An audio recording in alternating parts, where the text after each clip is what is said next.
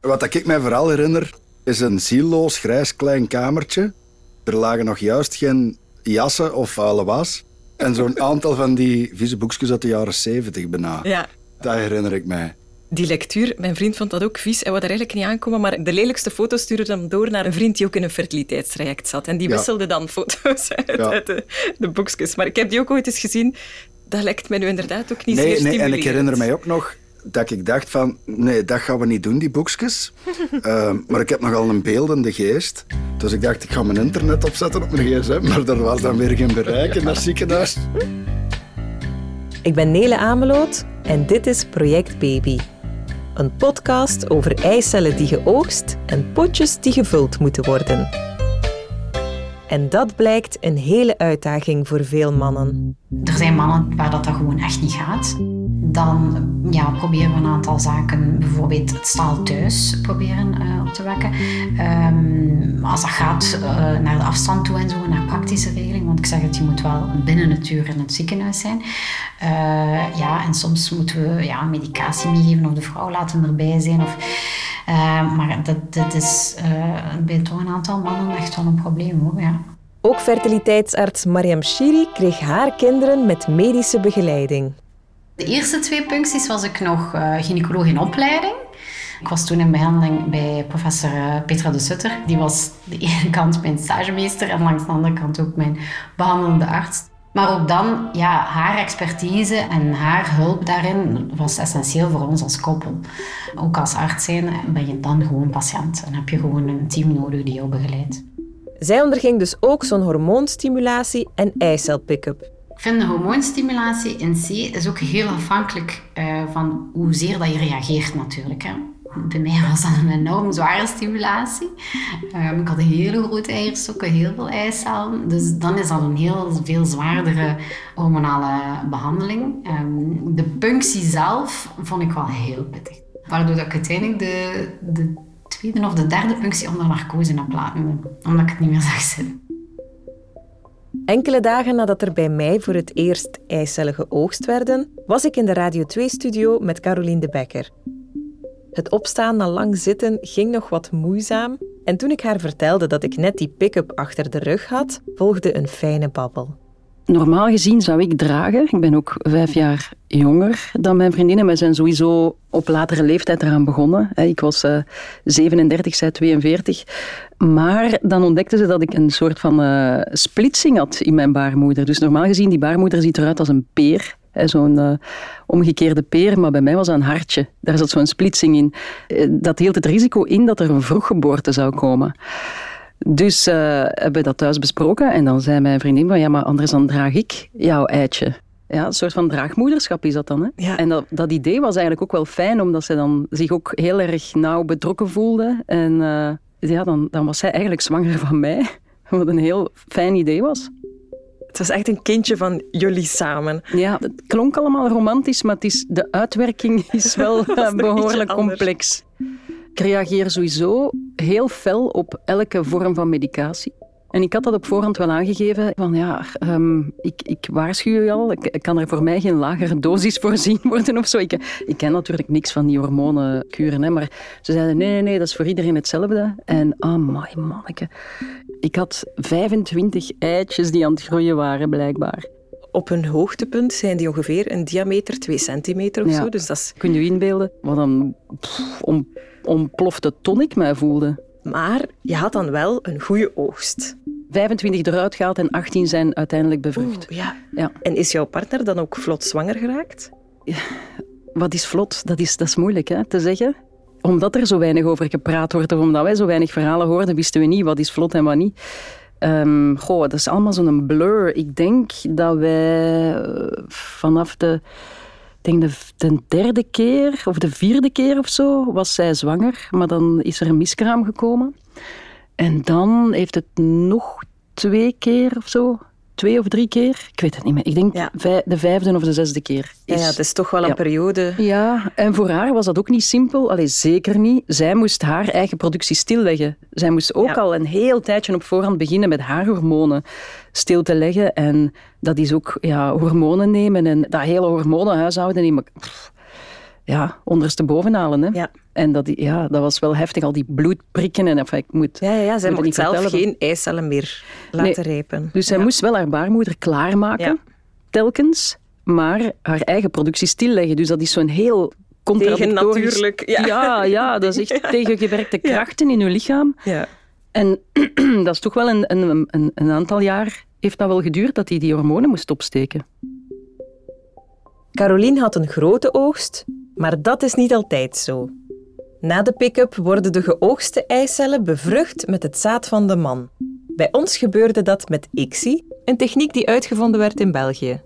Een laborant van het Universitair Ziekenhuis in Jette prikt per ongeluk in een eicel. Tot ieders verbazing is de eicel ongeschonden. Een nieuwe techniek, micro-injectie, is geboren. Voor ons ICSI-traject moesten wij naar het UZ Gent.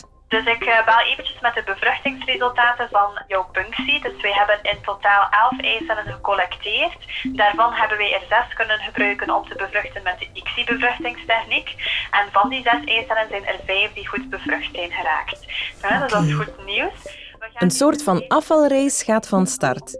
Je start met 11, dan kunnen ze er 6 gebruiken, blijken er 5 bevrucht. En daarna is het afwachten tot dag 5. Dan verneem je hoeveel van de bevruchte eicellen een mooi embryo geworden zijn. Ja, hopen, hè, hopen. Je kunt niet veel meer doen, hè. Je kunt niet veel meer doen. En dan, ik weet nog dat ze scores gaven Ja. ook. Een 9 op 10, een 7 op 10. Als je dan aan die 6 op 10 zat, herinner ik me dat ik dacht van oeh, dat gaat er hier op het buitengewoon onderwijs. maar zelfs dat was oké, hè. Als je begint met 10, 15, wat dat ook niet altijd het geval is, dat is een optimale behandeling. Heel vaak zit wel veel minder. Dus dan mag je al blij zijn als je er twee of drie overhoudt, embryo's. En dan gaan we één embryo meestal vers gaan terugplaatsen. En de overige embryo's gaan we dan invriezen. Voor moest het niet lukken met eh, deze embryo. Of eh, ja, goed, moesten er nog zwangerschappen eh, gewild zijn in de toekomst. Nu, wat er wel belangrijk is voor de terugplaatsing, is dat jij een goed gevulde blaas hebt. Omdat wij moeten kunnen kijken met de echo. hè. Dus eh, als jouw blaas goed gevuld is, kunnen we dat beter zien waar dat de katheter zich bevindt, hè, om het embryo te gaan plaatsen. UZ Gent is natuurlijk veel groter dan ons ziekenhuis in Roeselare, met een veel groter fertiliteitscentrum waar de wachtzaal vol zit. Je zit daar met een stuk of tien vrouwen op een rijtje. En die klapdeuren gaan open, die vrouwen gaan naar binnen. Even later gaan die klapdeuren terug open en komen die bevrucht naar buiten. En zo voelde dat echt zo. Koe nummer 206 is klaar om bevrucht te worden. Die terugplaatsing is zo spannend. Het embryo is exact vijf dagen oud. Tijd om te worden ingebracht in de baarmoeder, zodat het zich kan innestelen. Mijn vriend en ik waren mooi op tijd vertrokken naar Gent. Geen stress, geen files, niets kon ons tegenhouden om dat moment in alle rust te beleven. Wanneer je je aanmeldt, moet je je identiteitskaart ingeven in een automaat.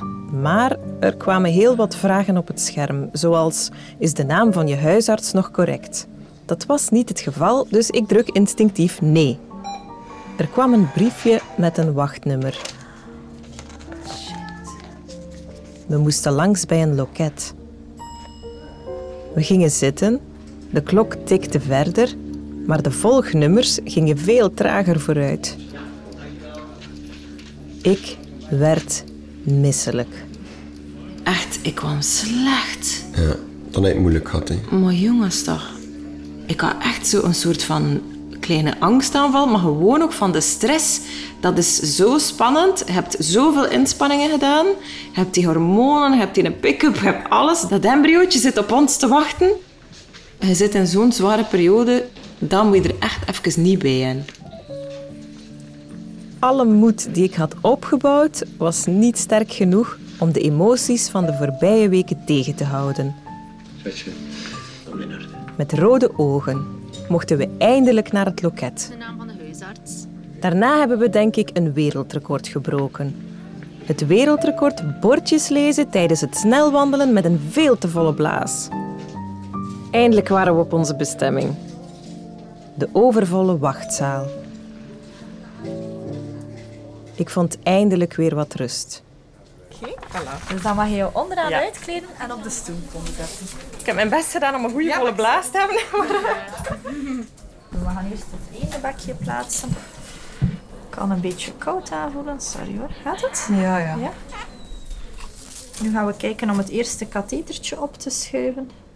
Oké, zit prima op zijn plek. En dan wachten we totdat het embryootje door het luikje kan komen. Aha. Dus nu gaan we de namen overlopen. Dus we hebben één embryo. Dus voor mevrouw Ameloot Nele. Ja. Etiket nogmaals gecontroleerd en dat is correct. Dus we gaan kijken voor die plaatsing. Dus dat wit wolkje dat je ziet is eigenlijk een klein luchtbelletje die achter het embryootje zit. Het embryo zelf kunnen we op echo niet zien, want dat is natuurlijk microscopisch klein. Hè. Voilà, en het labo bevestigt nu ook dat het embryootje niet meer in de katheter zit, dus het zit bij u. En dan is het negen dagen afwachten. Hopen. In een normale cyclus weet je niet of er iets leeft in je en of je dus na die twee weken iets verliest. Stel dat je maandstonden doorbreken. Die wachttijd voelde heel anders aan. Want je weet constant dat je dat kleine wezentje met je meedraagt. Er is iets. Negen dagen na de terugplaatsing, s'morgens bloedonderzoek en smiddags telefoon. Mag al voorzichtig proficiat zeggen. Het is zo dat jouw waarde op 62 staat, eh, maar we moeten nu gewoon een nieuwe controle doen over twee dagen om te kijken dat ehm, jouw eh, HCG mooi verdubbelt. En als dat verdubbelt, dan kunnen we kijken om een eerste echo in te plannen. Zwanger. Eindelijk.